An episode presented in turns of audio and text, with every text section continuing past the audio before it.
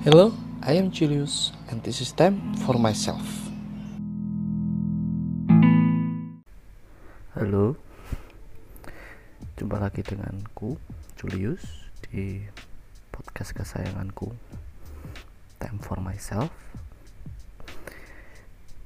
Hmm, podcast di mana aku akan membicarakan hal yang ingin aku bicarakan, apa pun itu.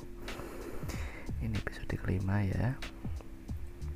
Tapi buat episode ini itu soal destiny asik. Tapi juga soal identitas. Uh, ada kaitan yang buat aku sangat erat antara dua hal itu. Antara identitas dan juga dengan tujuan. Ya sesuai dengan nama judul dari podcast ini episode ini dirimu adalah tujuanmu tujuanmu adalah dirimu. Uh, jadi sebenarnya apa tuh yang pengen tak omongin hmm, itu tuh semua berawal dari kayak saat salah seorang temanku share kalau prodiku jurusanku kuliah itu himpunannya kayak ngadain festival itu di tengah situasi pandemi ini dan modelnya kayak ada submission karya gitu dan salah satunya esai. Eh mm, dan aku kan suka nulis gitu ya. Maksudnya lebih mudah bagiku untuk buat karya nulis daripada buat videografi segala macam itu. Jauh banget daripada aku gitu loh. Nah uh, dari situ kemudian aku lihat apa sih uh, tema dari uh, festival itu kan namanya Antrofest itu keren banget sih harusnya acaranya. Dan temanya adalah soal refleksi diri. Nah ini aku penasaran siapa yang buat tema itu? Ini kok cocok banget gak aku aku senang banget itu loh. Kalau nggak salah itu pokoknya ada salah satu subtemanya itu tentang siapa dirimu itu kayak apa tujuanmu dan itu aku banget. Sampai ini cah Yesus maksudnya cah kolose apa piye? Apa apa maksudnya temanya reflektif sekali. Maksudnya cara pola pikir Ignatian banget itu loh. Ya mungkin aku terlalu mengeneralisir kan. Tapi memang karena kayak cocok banget lah dengan uh, uh, diriku dan juga yang aku tahu dengan teman-teman yang berasal dari kolose itu. Oke okay, itu bahasan yang lain ya intinya sekarang aku pengen ngomongin soal itu antara tujuan dan dirimu itu jadi ini aku juga baru menemukan beberapa baru-baru ini juga belum bukan satu hal yang sudah lama sekali aku tahu enggak.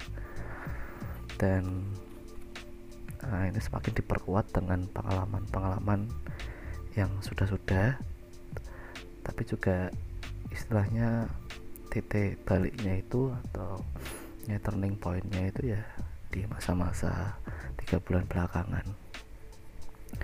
Jadi uh, masalah siapa sih dirimu? Pertanyaan siapa sih dirimu? Siapa kita? Siapa aku? Itu buat kalau aku pernah baca gitu itu di TED Ed ya video TED Ed. Itu adalah salah satu pertanyaan paling awal yang pernah apa yang dicoba selalu dicari jawabannya oleh uh, humanity oleh kemanusiaan oleh empat manusia sepanjang uh, generasi dari awal sampai sekarang. Itu pertanyaan tidak pernah berhenti dijawab pernah, tidak pernah berhenti dipertanyakan dan akan selalu relevan mau kapan pun mau di mana pun pertanyaan soal identitas. Siapa sih? Kita tuh siapa? Aku tuh siapa? Dan pertanyaan itu jawabannya selalu berganti-ganti. Tergantung kayak hmm, kamu melihat dari sisi apa? Dari sisi biologis dari sisi sosial dari sisi apa? Ekonomi mungkin dan segala macam segala macam. Akan sangat sangat bergantung pada konteks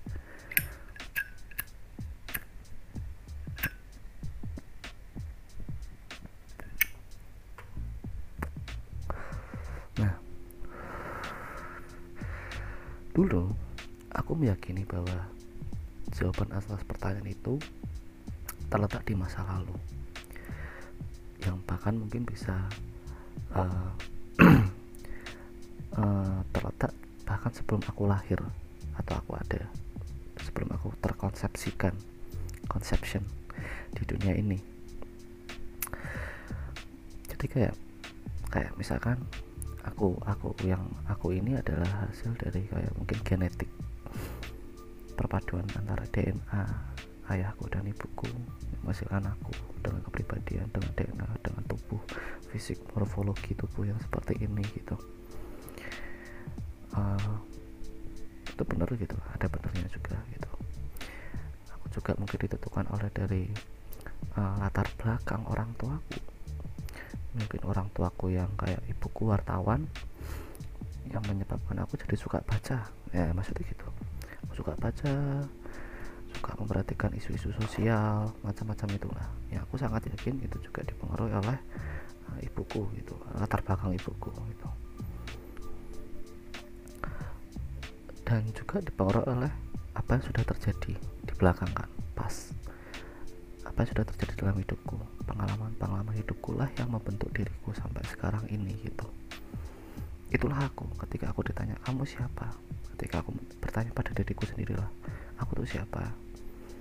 Ya aku adalah himpunan dari segala sesuatu yang ada di belakangku yang membentukku menjadi fondasi atas diriku sekarang ini.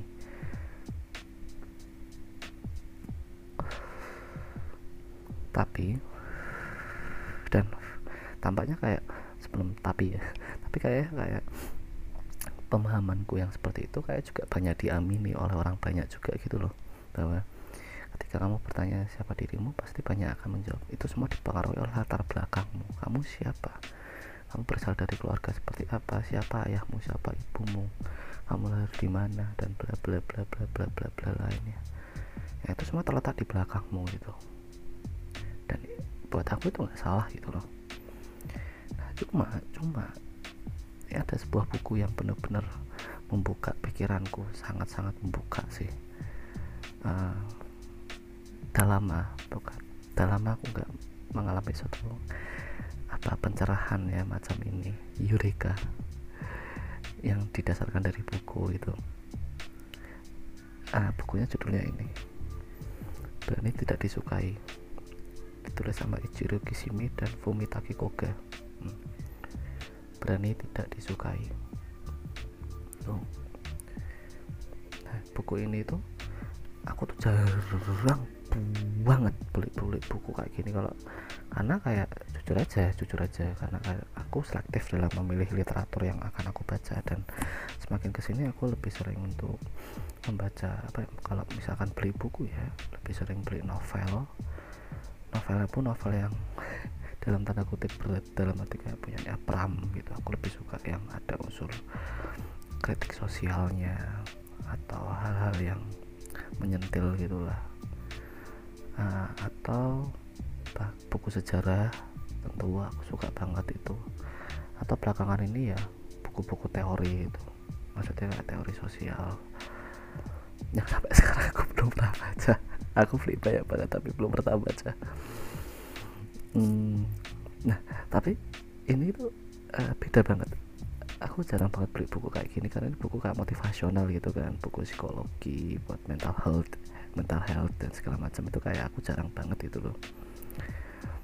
Dan ini pun dikasih itu dikasih sama seorang temen yang aku aku baru kenal sebentar cuma kok jujur ya hampir hampir gak ada para teman yang memberikan aku buku. Dan temanku satu ini dia baru kenal aku bentar memberikan aku buku. Teruntuk kamu temanku Rahmalia mungkin aku banyak mengecewakanmu. Mungkin aku banyak apa ya tidak bisa memberikan ke, uh, balasan kebaikan yang kamu berikan. Cuma ketahuilah apa yang kamu berikan padaku ini sangat-sangat berarti dan mengubah hidupku uh, kelihatan nggak ya? Diberi dengan kasih. Asik. Uh, 10 April 2020 Ramalia. 10 April itu jadi ceritanya dikit ya. Jadi ceritanya pas aku mau dikasih itu tuh momen ketika aku hari terakhir aku di Semarang sebelum aku berangkat ke Riau ke Jogja dulu baru ke Riau itu kan bandara di bandara Jogja. Tanggal 10 hari Sabtu pagi. Itu momen ketika aku semacam perpisahan dengan teman-teman info tembalang dan aku menyatakan penyesalanku dan menyatakan ketidaksanggupanku untuk menghandle info tembalang untuk beberapa waktu karena aku harus menjalani pekerjaan di Riau itu. Nah aku menyesalan dan emang bener aku menyesal banget. Aku menyesal bener-bener ngomong dan Ramalia ini aku nggak tahu apa yang ada di pikirannya. Dia bilang udah tidak apa-apa mas ini aku punya buku dibaca ya mas. Sepanjang di sana. Pokoknya dibaca aja. Buat healingnya mas Bram gitu. Wow. Aku tuh salah loh sama kamu. Tapi kamu kok malah ngasih hal yang sama sekali. Istilahnya membantu aku gitu loh. Bukan yang mencerca bukannya apa tapi malah menyemangati aku gitu. Kayak aku nggak bisa pikir dengan kebaikannya dia. Dan itu kontak terakhirku dengan dia setelah itu nggak ada kontak. Ada sih satu kali dia chat ada ada cuma pas itu karena aku lagi sibuk banget sama kerjaan aku cuma baru baca aja dan niatnya aku balas cuma habis itu aku lupa sayang banget. Dan aku balas satu bulan kemudian dan belum dibahas lagi sampai sekarang. Jadi aku minta maaf banget sama sama Lia itu. Lia maaf ya. Maaf banget. Nah oke lanjut. Nah buku ini tidak disukai itu membicarakan katakanlah teori psikologi dari seorang tokoh yang namanya Alfred Adler. Nah itu aja sih ada tiga sebetulnya kayak Sigmund Sigmund Freud Carl Jung Carl Jung dan Alfred Adler. Cuma yang paling utama adalah Alfred Adler ini. Aku baru baca seperempat mungkin ya 25% dari buku ini. Cuma aku udah menangkap banyak sekali insight yang membuka pikiranku aku nggak akan membacakan quote-quote sih karena kayaknya banyak banget dan banyak banget yang keren dan hmm, penting kamu baca langsung aja bukunya sih untuk tahu apa sih yang keren buat kamu. Mungkin kalau nanti ada yang menarik aku bisa bisa bisa menyebutkan apa ya yang buat aku menarik. Soalnya belum tak kasih kayak garis-garis gitu loh. Jadi kayak aku masih harus cari satu lagi. Nah uh, mungkin aku bisa merangkum aja gitu ya. Ide yang paling menarik dari buku ini adalah bahwa kamu itu tidak pernah ditentukan dari masa lalumu. Tapi kamu ditentukan dari kamu ingin menjadi apa apa yang kamu inginkan. Dengan kata lain apa tujuanmu? Itu itu main belum banget. Karena dari proses hidupku dan terutama karena aku diseminari dengan pendidikan yang sangat reflektif entah kenapa yang terdoktrin dalam diriku adalah aku harus mengintisarikan pengalaman-pengalaman semuanya supaya aku semakin sadar diriku ini siapa dan semoga supaya pengalaman itu dapat mengendap jadi sesuatu yang berguna buat diriku jadi kayak aku sibuk untuk memikirkan apa yang sudah terjadi dalam diriku. Dan membayangkan bahwa diriku ini terjadi karena pengalaman-pengalaman. Dan ketika pengalaman itu direfleksikan ya aku akan menjadi pribadi yang lebih baik gitu. Istilahnya seperti itu. Karena dengan direfleksikan pengalaman itu menjadi lebih jernih kamu mendapatkan pelajaran yang berguna untuk dirimu gitu. Cuma buku ini menaruhkan sesuatu yang sangat radikal dari pemahamanku itu gitu. Bahwa oke okay, memang uh, pengalaman itu mungkin ada benarnya bisa um, apa ya, menjadi salah satu uh, faktor pembentuk dirimu. Cuma yang lebih utama adalah apa yang kamu jalani apa yang kamu hidupi sekarang ini semuanya akan ditentukan oleh apa tujuanmu. Dan awalnya aku merasa sangat asing dengan ide ini gitu. Hah tujuan. Ya ndak bisa lah. Tujuanku tuh ya ditentukan dari apa yang sudah aku punya gitu maksudnya gitu loh. Dan jadi pada akhirnya semua ditentukan dari uh, apa yang sudah terjadi di belakangku. Kayak aku ketika menentukan tujuan itu terjadi karena di belakangku gitu maksudnya karena faktor-faktor yang sudah aku punya gitu. Tapi enggak di sini benar-benar me, menyangkal benar-benar me, menolak kamu tidak ditentukan dari kamu siapa dirimu sebelumnya tapi siapa dirimu setelah ini? Kamu ingin menjadi apa? Kamu hendak ngapain? Apa tujuanmu? Nah oke awalnya aku mungkin cukup sulit menerima kayak eh, maksudnya tapi setelah aku membaca halaman per halaman coba meresapi apa maksud dari kalimat-kalimat di dalam buku ini idenya apa gagasannya apa. Aku mulai melihat bahwa mungkin ada benarnya. Dan itu semakin di diperkuat diperkuat sehingga sampai akhirnya aku mulai mempunyai perspektif baru dalam memaknai diriku sendiri memaknai kehidupan ini. Dan akhirnya aku mulai sering ber, semakin sering berkata pada diriku bahwa diriku ini ditentukan oleh tujuanku. Dan tahu nggak ketika aku memiliki itu sudah mulai me, uh, istilah mengimani gagasan itu. Mendadak semua pengalaman yang aku punya itu arahnya ke sana juga mendorong gitu loh. Uh, arahnya pokoknya uh, menguatkan pernyataan itu. Bahwa diriku ini ditentukan oleh apa tujuanku gitu yang kayak wah fuck up sekali ya. Main belum.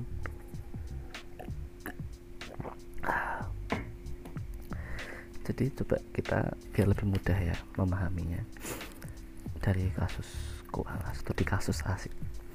Studi kasus saja jadi uh, dari yang paling baru-baru ini aja dari paling baru-baru sampai ke belakang-belakang-belakang gitu untuk memperlihatkan betapa memang diriku ini ditentukan oleh tujuanku. Uh, paling jelas itu saat aku ngerjain skripsi. Paling jelas. Jadi uh, mungkin aku udah pernah cerita apa belum ya? Nggak tahu. Cuma kalau mau dikata aku ngerjain skripsi 80% nya aku kerjakan selama hanya dalam waktu dua minggu. Dua minggu sekitar 14 hari. Dari awal Juni sampai pertengahan Juni. Udah dua minggu itu aku mengerjakan skripsi. Uh, itu hal yang gila banget loh buat aku. Nggak, aku nggak bilang itu aku bisa kayak gitu. Enggak aku tuh sama aku nggak pernah menyangka diriku bisa kayak gitu. Dan itu nggak mudah kerjaan skripsi itu karena aku nggak dapat bimbingan dari dosen pembimbing skripsiku. Terakhir aku kontak sama dosen pembimbingku itu bulan November. Dan ketika aku tanya pak model uh, bimbingannya kita seperti apa ya supaya aku bisa cepat selesai? Gitu.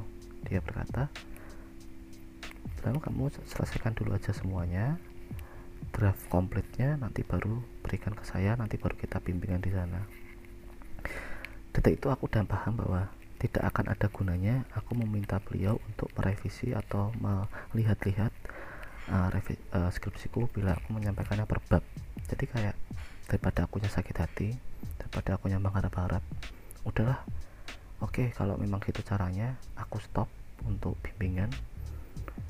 Memang dia mintanya seperti itu juga secara tidak langsung dan aku mengerjakan semuanya sendirian sejak saat itu. Memang aku dibantu beberapa hal yang penting kayak gagasan utama dari skripsiku arah utamanya rumusan pertanyaan. Cuma di tengah perjalanan itu berubah gitu loh. Untuk skripsi mungkin aku juga akan membicarakan di episode yang lain gitu ya. Karena ini menarik banget aku punya banyak pendapat yang buat aku menarik buat soal skripsi ini. Cuma nah balik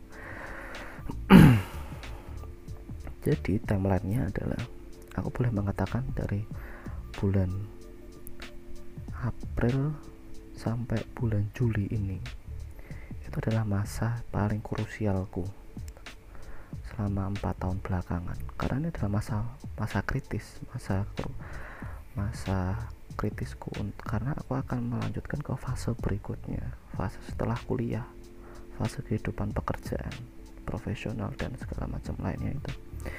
Dan aku betul menyadari bahwa ketika aku gagal di sini gagal di fase ini aku akan menghadapi konsekuensi yang mungkin tidak pernah aku bisa bayangkan gitu loh.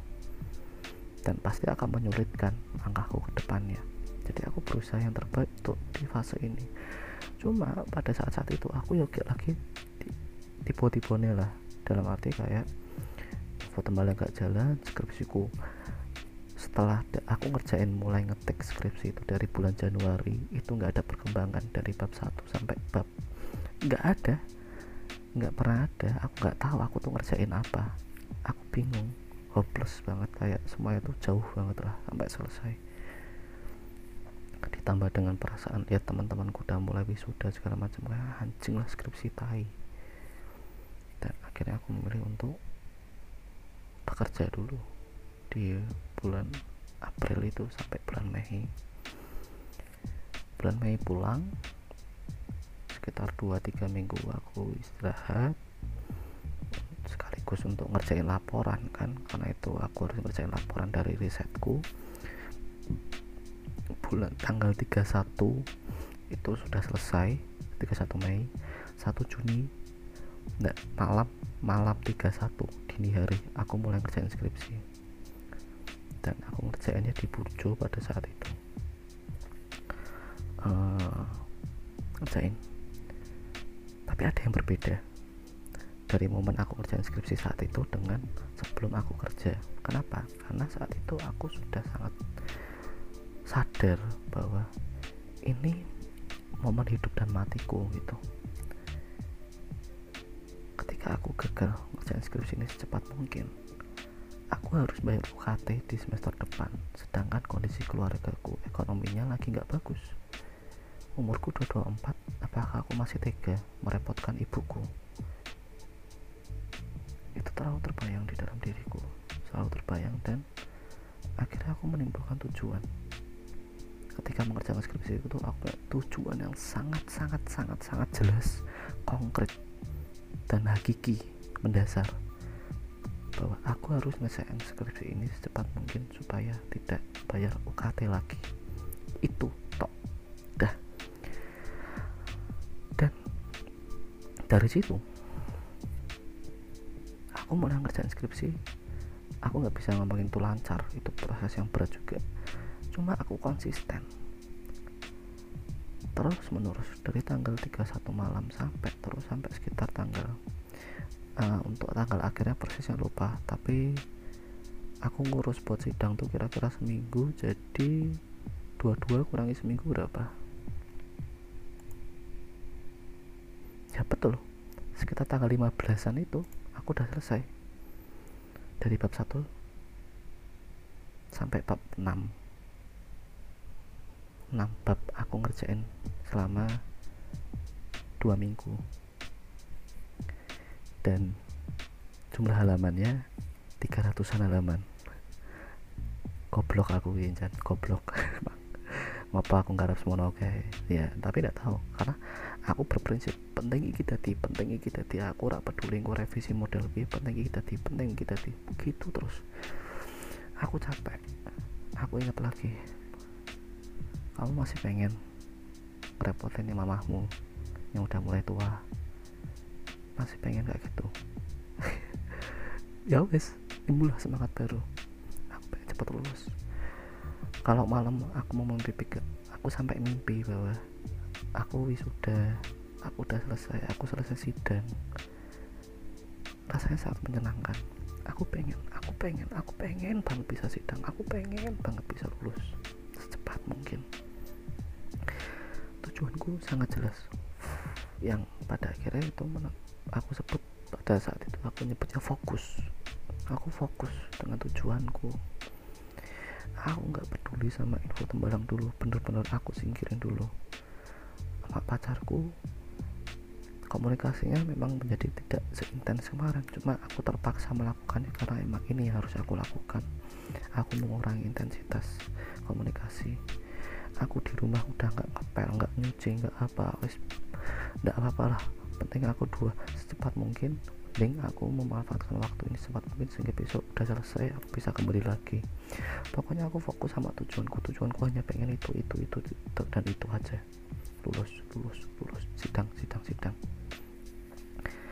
Dan itu yang membuatku akhirnya uh, bisa mengerjakan skripsi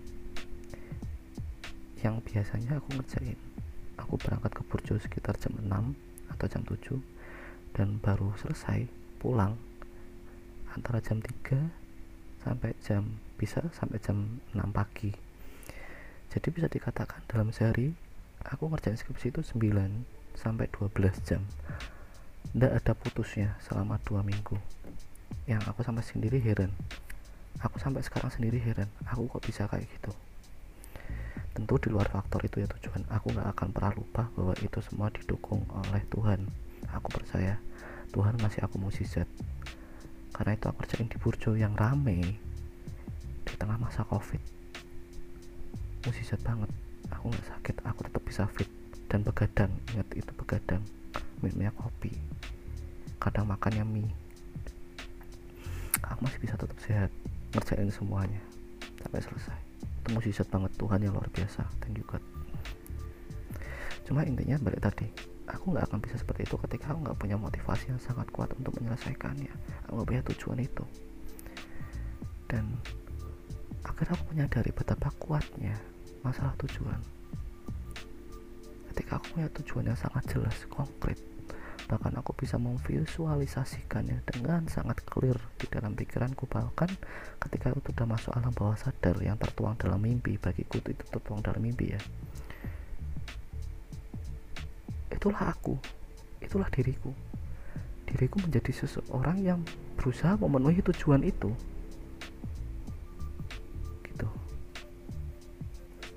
Tuh bukan orang tipikal yang bisa kerja begadang 12 jam. Cok biasa nih biasa nih. Aku kerja dua jam aja udah males skripsian.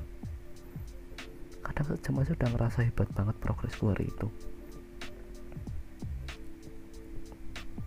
Sorry tadi rendering.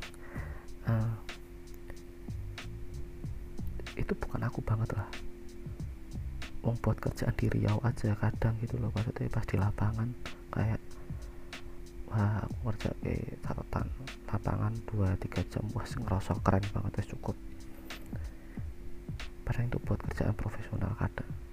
Nah ini buat skripsi yang kemarin-kemarin kok aku tiba-tiba bisa kayak gini? Aku aja bingung gitu loh. Kok aku bisa jadi pribadi yang sangat berbeda? Yang bisa fokus. Buat aku fokus tuh mahal ya Paul mahal banget.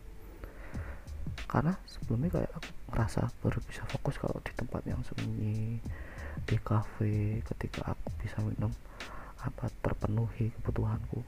Aku ngerjain itu di burjo yang rame berisik. Kombinannya yogur apa teh anget kopi hitam ngono. Kok bisa. Iya aku nggak tahu. Cuma aku meyakini bahwa itu terjadi. Aku bisa menjadi seperti itu menjadi pribadi yang baru. Karena punya tujuan yang baru aku sangat-sangat yakin dan aku sangat-sangat ingin tujuan itu terjadi. Dan jadilah aku.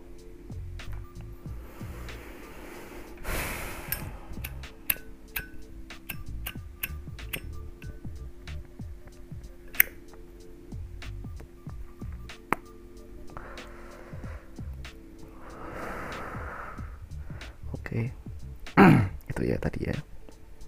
Skripsi uh, bagaimana proses skripsi itu dalam tanda kutip membuktikan dan menunjukkan padaku bahwa tujuanku dalam hidup sehari-hari itulah yang menentukan diriku siapa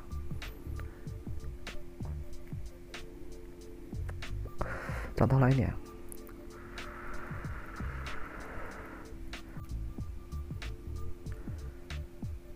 hmm, oke okay. contoh lainnya mungkin kayak baru-baru ini. Ini simpel ini simpel ini singkat aja. Jadi kayak aku kan buat cover video uh, cover lagu beberapa aku videokan. Ada beberapa lagu yang aku tuh sampai merekam ulang itu mungkin ada 10 kalian lebih lah. Padahal kayak aku kalau main lagu itu biasa ya sekali selesai gitu loh. Tapi nggak tahu ini kok aku sampai 10 kali kenapa? Kayak nggak bisa harus ada semua harus perfect gitu. Sesimpel bahwa ya karena aku tujuannya itu tak upload ke YouTube. Aku bermain lagu itu. Untuk aku upload ke YouTube. Mungkin memang tidak akan dilihat orang banyak dua atau tiga aja mungkin. Cuma karena ada sense di mana itu akan dilihat orang lain. Aku nggak pengen memberikan atau nggak pengen ngisin-ngisin nyawa aku dewi. Dan aku pengen menjadi versi terbaik dalam diriku. Nah diriku berusaha memenuhi tujuanku itu tadi. Karena tujuanku adalah tak upload ke YouTube untuk dilihat orang. Aku share ke orang lain. Sehingga aku berusaha menjadi diriku yang berbeda. Bukan diriku yang main buat buat buat biasa di dalam kamar aja yang sekali mau beli rumah kopi elek. Yo wis ben. Cuma karena tak masukin ke YouTube tujuannya itu aku mengubah diriku mengubah cara bermainku. Kok tiba-tiba aku jadi mikir masalah pernafasan perut aku mikir masalah apakah aku kurang kencang megang senarnya dan lain-lain hal teknis-teknis yang sebelumnya sama sekali nggak pernah aku perhatikan.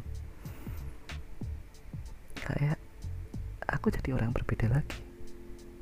Karena tujuanku berbeda. Nah itu salah satu yang lain gitu. Simpel sih simpel banget. Uh, mungkin yang besar itu ini berkaitan masalah cewek gitu. Uh, aku nggak menutupi fakta bahwa biar aku rotok boyo. Dalam arti kayak aku punya hasrat yang sangat besar untuk deket sama cewek. Deket bukan untuk teman ya tapi untuk relasi yang lebih gitu. Dan ini sangat problematik dan uh, menjadi salah satu luka terdalam bagiku dan bagi orang yang paling tak sayangi uh, pacarku sendiri gitu. Uh, kami berdua mengalami proses yang sangat sulit karena masalahku ini gitu. Cuma aku rasa itu udah lewat. Aku nggak lagi kayak gitu puji Tuhan sampai aku udah LDR sama dia gara-gara pandemi setahun lebih dan nggak ada insiden-insiden yang merusak. Padahal kalau dulu dibiarin LDR aja. 3-6 bulan mesti aku berusaha golek cewek liane cuma sekarang guys serak lega dah gak mau karena tujuan ah tujuan. Jadi kalau dulu tujuanku tuh masih beda aku masih punya tujuan untuk bisa explore. Wah bajingan emang aku ya. Aku masih punya tujuan untuk explore untuk bisa deketin cewek lain untuk bisa membuktikan bahwa ke diriku sendiri bahwa aku ki iso loh bro. Cerdak mbak denen cerdak mbak iki. Aku iso loh menaklukkan cewek-cewek gitu. Dan aku mengamati hal yang sangat-sangat buat aku gak teli cuma ya itu diriku ya karena ketika aku punya tujuan dengan berinteraksi ketika sama seorang cewek ini tujuanku berbeda bukan cuma buat temenan. Aku mendadak jadi diriku yang berbeda gitu loh. Aku jadi sok perhatian sok kalem sok mendengarkan. Padahal aku nggak segitunya tujuanku untuk mendapatkan hatinya mendapatkan kepercayaannya supaya mau sama aku. Dan aku jadi lebih deg-degan aku jadi lebih grogi. Padahal acuk biasanya aku rano kok ngono-ngono aneh banget. Dan itu bukan ditentukan dari latar belakangku. Itu ditentukan dari tujuanku aku ingin apa? Aku ingin dia jadi mau sama aku dan aku nggak mau itu gagal. Jadi aku berusaha mem- membuat semuanya jadi baik tapi malah buat aku jadi salting jadi grogi jadi jadi aneh jadi bukan diriku sendiri gitu. Bukan jadi diriku sendiri tapi jadi diriku yang berbeda daripada biasanya. Karena tujuanku berbeda daripada biasanya. Dan dulu karena sama Pauline itu tujuannya aku masih gini juga uh, masalah tujuan itu. Bukan masalah kamu punya atau tidak tujuan apa ya tapi sejelas apa tujuanmu? Nah sama pacarku. Aku tujuannya emang jangka panjang. Kayak aku pengen nikah sama dia cuma itu kabur lah. Jauh merasa sangat jauh di depan. Boh neng dan aku ngerasa kayak karena tujuanku masih agak kabur pada saat itu. Aku kok iso-isonya kepikiran untuk main serong gitu loh. Em aku sangat menyesal sih. Sangat sangat sangat sangat sangat menyesal dan gak pernah berhenti menyesal aku pernah menjadi versi pribadi yang seperti itu dengan tujuan yang seperti itu.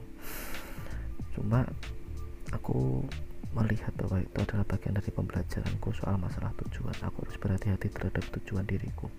Karena tuh balik mana ya, tujuan diriku yang membuat aku jadi orang yang kayak gimana? Nah sekarang karena sama pacarku sekarang aku punya tujuan yang sangat jelas. Apa yang ingin aku inginkan dari relasiku dengan pacarku yang sekarang? Aku pengen nikah sama dia. Dan aku sudah bisa aku sampai membayangkan tujuanku semakin jelas semakin jelas semakin jelas. Kayak aku pengen punya rumah kayak gimana sama dia? Aku pengen punya mobil yang kayak gimana sama dia? Aku pengen punya usaha apa sama dia? Aku gimana merancang merintis uh, kehidupan bersama sama dia? Yang dimulai semoga mulai bulan depan aku udah mulai merancang langkahku untuk hidup bersama sama dia selama lamanya dalam ikatan perkawinan pernikahan. Uh, ketika semakin jelas tujuanku ya aku jadi pribadi yang berbeda lagi gitu loh.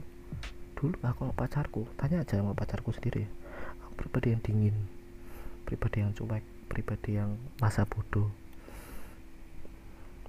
Tidak menyenangkan lah.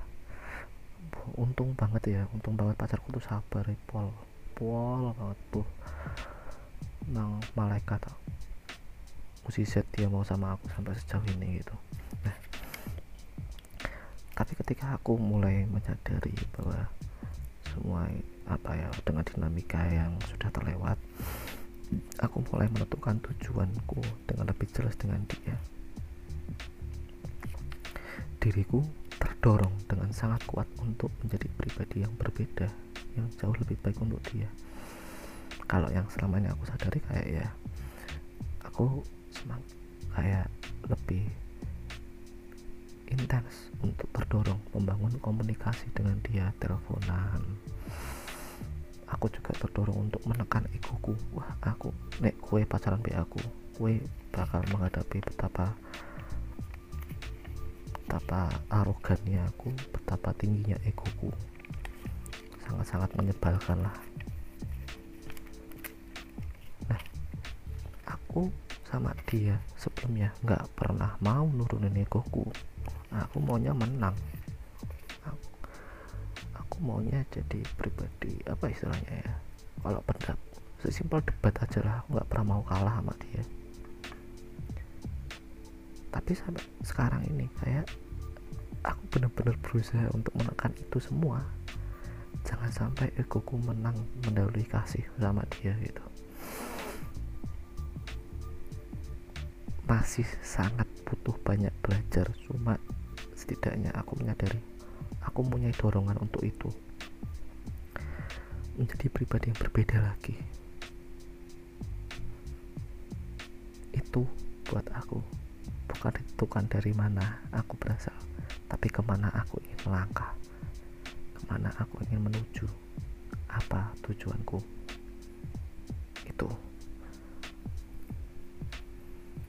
kayak ya? Tujuanmu yang akan menentukan kamu jadi orang kayak gimana. Kasus yang lain mungkin adalah di kuliah gitu. Jadi selama kuliah tujuanku tuh dari sekian banyak yang lain ya. Tapi yang satu yang paling jelas dan aku selalu tanamkan dari maba dari pertama masuk. Dari pertama masuk. Tujuanku satu aku kuliah baik dapat nilai bagus supaya tidak sia-sia.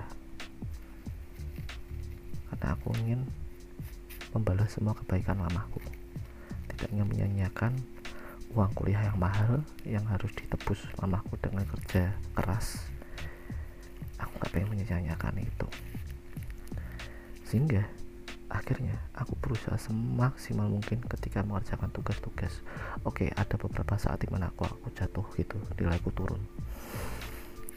Ada beberapa saat di mana aku nggak suka sama dosennya yang mempengaruhi uh, caraku dalam berkuliah.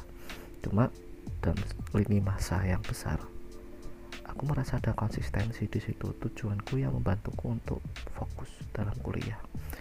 Sehingga pada akhirnya itu juga menentukan caraku dalam menghidupi uh, kehidupan kuliah.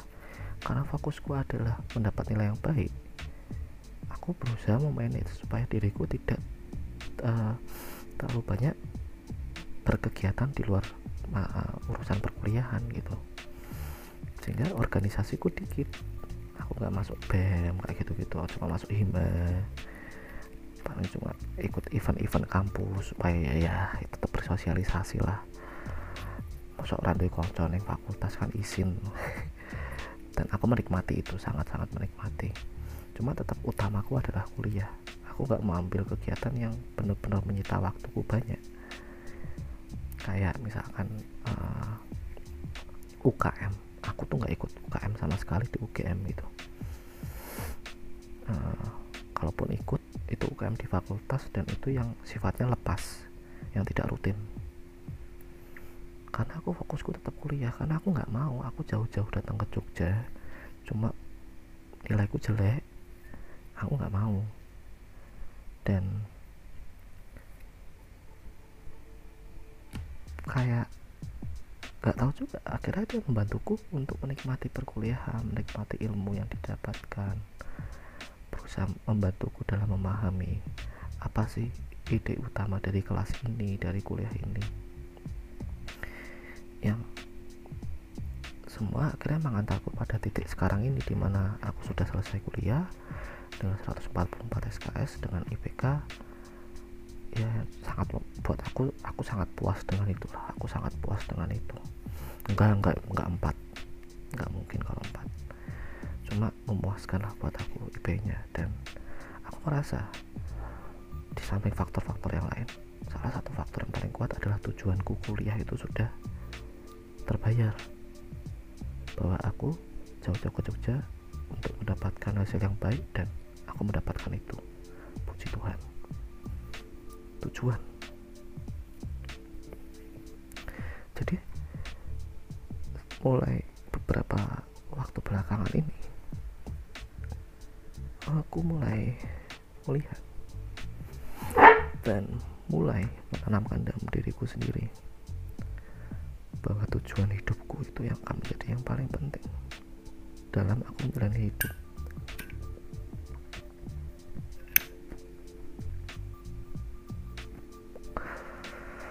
Nah. Jadi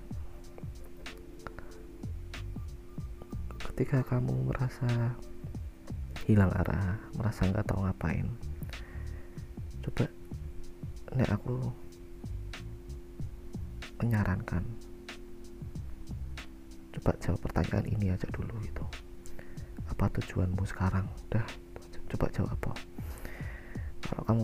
dengan jawaban itu kamu suka dengan jawaban yang kamu temukan itu pegang. Pegang dengan erat. Untuk saat ini pegang dengan erat dan jadikan itu kekuatanmu untuk melangkah. Fokuslah dengan tujuanmu itu. Ketika kamu capek ketika banyak halangan ketika kamu ngerasa nggak kuat lagi bu buka lihat apa tujuanmu. Udah dapat kekuatan lagi pegang lagi jadiin kekuatan gitu terus. Sampai akhirnya tujuanmu terwujud buat aku itu cara yang praktis sih untuk jualan hidup. Nggak nggak bertele-tele nggak kayak sebelum-sebelumnya yang aku punya gitu. Dan aku cukup suka dengan cara itu. Yang mungkin siapa tahu berguna buat teman-teman juga gitu. Nah cuma aku punya sedikit ketidaksetujuan juga dengan Adler yang dia sangat menihilkan masalah di masa lalu. Yang buat aku masa lalu nggak bisa dihilangkan begitu saja juga. Mau nggak mau juga. Genetik ya masalah biologis. Itu juga hasil dari masa lalu. Kita jadi manusia ya karena berevolusi karena masa lalu. Aku jadi pribadi yang sekarang juga nggak cuma masalah tujuan tapi dari dari mana aku berasal jadi aku mulai me menciptakan proporsi yang buat aku seimbang atau mungkin pada tempatnya. Antara depan dan belakang yang bercampur di masa kini gitu. Future past present. Jadi kayak diriku yang sekarang adalah hasil dari diriku sebelumnya dan semua hal yang ada di belakang itu. Yang kemudian akan ditentukan dengan ke mana aku akan melangkah. Jadi kayak gitu. Nggak cuma masalah kamu dari mana tapi kamu mau ngapain? Itu yang menentukan. Kamu bisa kaya banget bisa super rich si kasih kakul gitu ya mungkin. Dan tapi kamu jadi apa kamu jadi diri dirimu tuh siapa? Itu bukan ditentukan kamu kayanya seberapa. Tapi kamu mau jadi orang yang kayak gimana? Apa yang ingin kamu tuju? Kalau tujuanmu mencari ketenaran tujuanmu pengen cari fame ya jadi si kakul itu sangat bisa. Tapi kalau misalkan tujuanmu untuk menuntaskan kelaparan di Indonesia ya kamu nggak akan melakukan itu. Tapi kamu akan jadi diri yang berbeda lagi gitu loh jadi bukan masalah hanya nggak bisa hanya mengandalkan satu dimensi aja.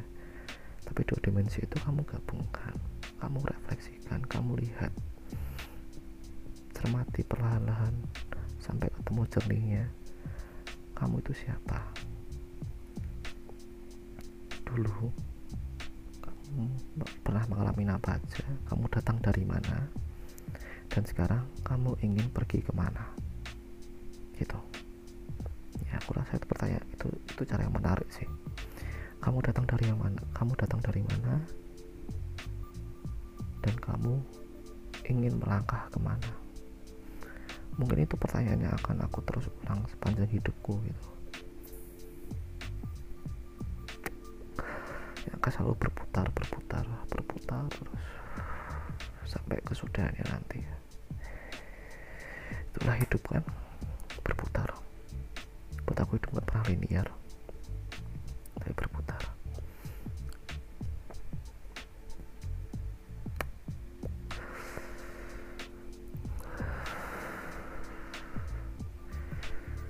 Mungkin itu sih teman-teman uh, yang bisa aku sampaikan. Masalah dirimu adalah tujuanmu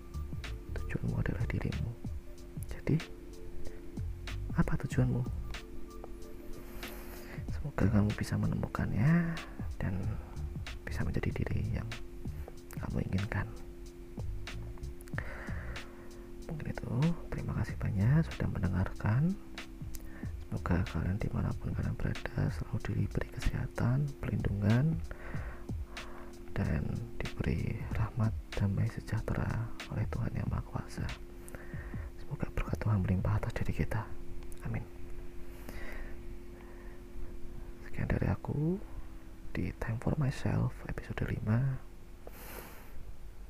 tujuanmu adalah dirimu. Thank you